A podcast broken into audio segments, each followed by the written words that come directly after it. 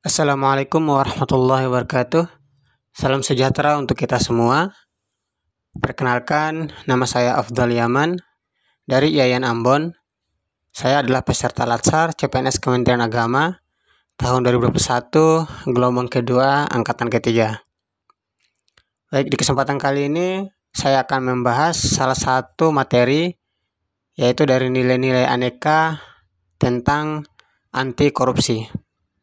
Diharapkan dengan memahami materi ini, para CPNS mampu membentuk perilaku yang amanah dan jujur, serta berperan dalam pencegahan korupsi di lingkungannya.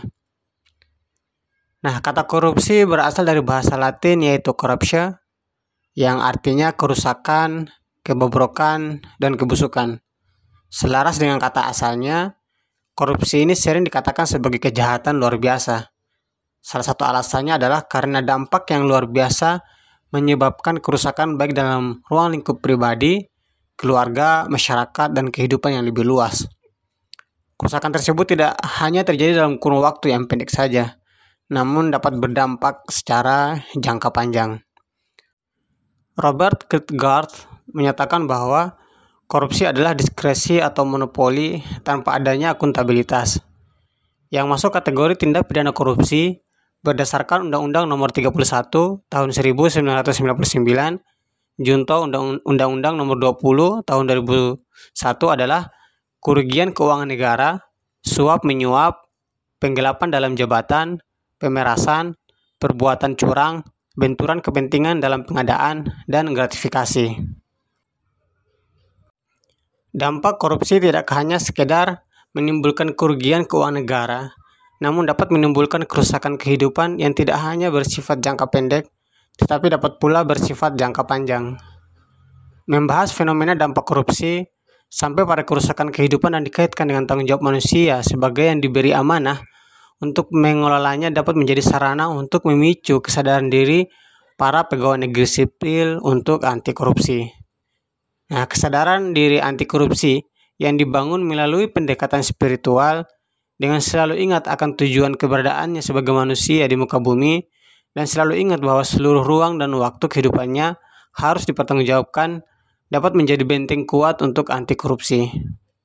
Tanggung jawab spiritual yang baik pasti akan menghasilkan niat yang baik dan mendorong untuk memiliki visi dan misi yang baik, sehingga selalu memiliki semangat untuk melakukan proses dan usaha terbaik dan mendapatkan hasil terbaik agar dapat agar dapat dipertanggungjawabkan juga kepada publik.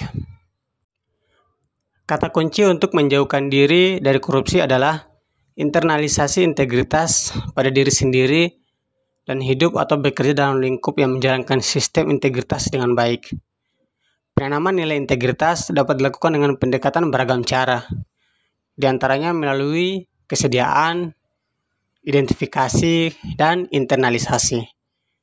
Nah, kemudian tingkat perubahan sikap dan perilaku melalui pendekatan internalisasi akan lebih permanen dibandingkan dengan tingkat identifikasi dan kesediaan.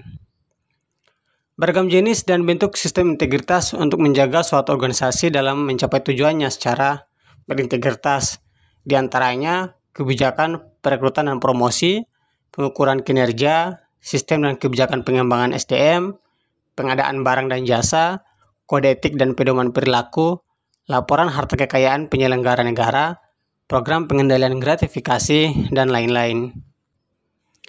Kita juga dapat menanamkan nilai keyakinan, kebiasaan, dan konsep diri yang terdapat pada alam bawah sadar.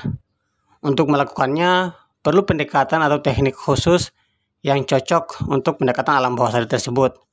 Nah, teknik-teknik khusus untuk untuk alam bawah sadar dapat dilakukan apabila kemampuan anchoring, utilisasi, relaksasi, amplifying, modality, asosiasi, dan sugesti dikuasai dengan baik. Kemampuan tersebut bisa disingkat menjadi aura mas. Penerapannya, anti korupsi merupakan sikap tegas memerangi korupsi. Memutus mata rantai korupsi dapat diawali dari diri sendiri, baik itu korupsi waktu, korupsi uang, maupun korupsi tugas. Setiap individu hendaknya dapat menjadi pengingat bagi dirinya masing-masing. Contohnya, ketika berada di lokasi sebelum jam kerja dimulai. tidak meninggalkan tempat kerja tanpa alasan jelas sebelum jam kerja usai, dan tidak menggunakan uang negara untuk memenuhi kebutuhan pribadi. Sebagai ASN yang profesional dan memegang teguh prinsip anti korupsi, seorang ASN diharapkan dapat mengaktualisasikan nilai-nilai dasar anti korupsi dalam kehidupan sehari-harinya yang meliputi jujur, peduli, mandiri, disiplin, tanggung jawab, kerja keras, sederhana, berani, dan adil. Demikian apa yang dapat saya sampaikan, dan terima kasih.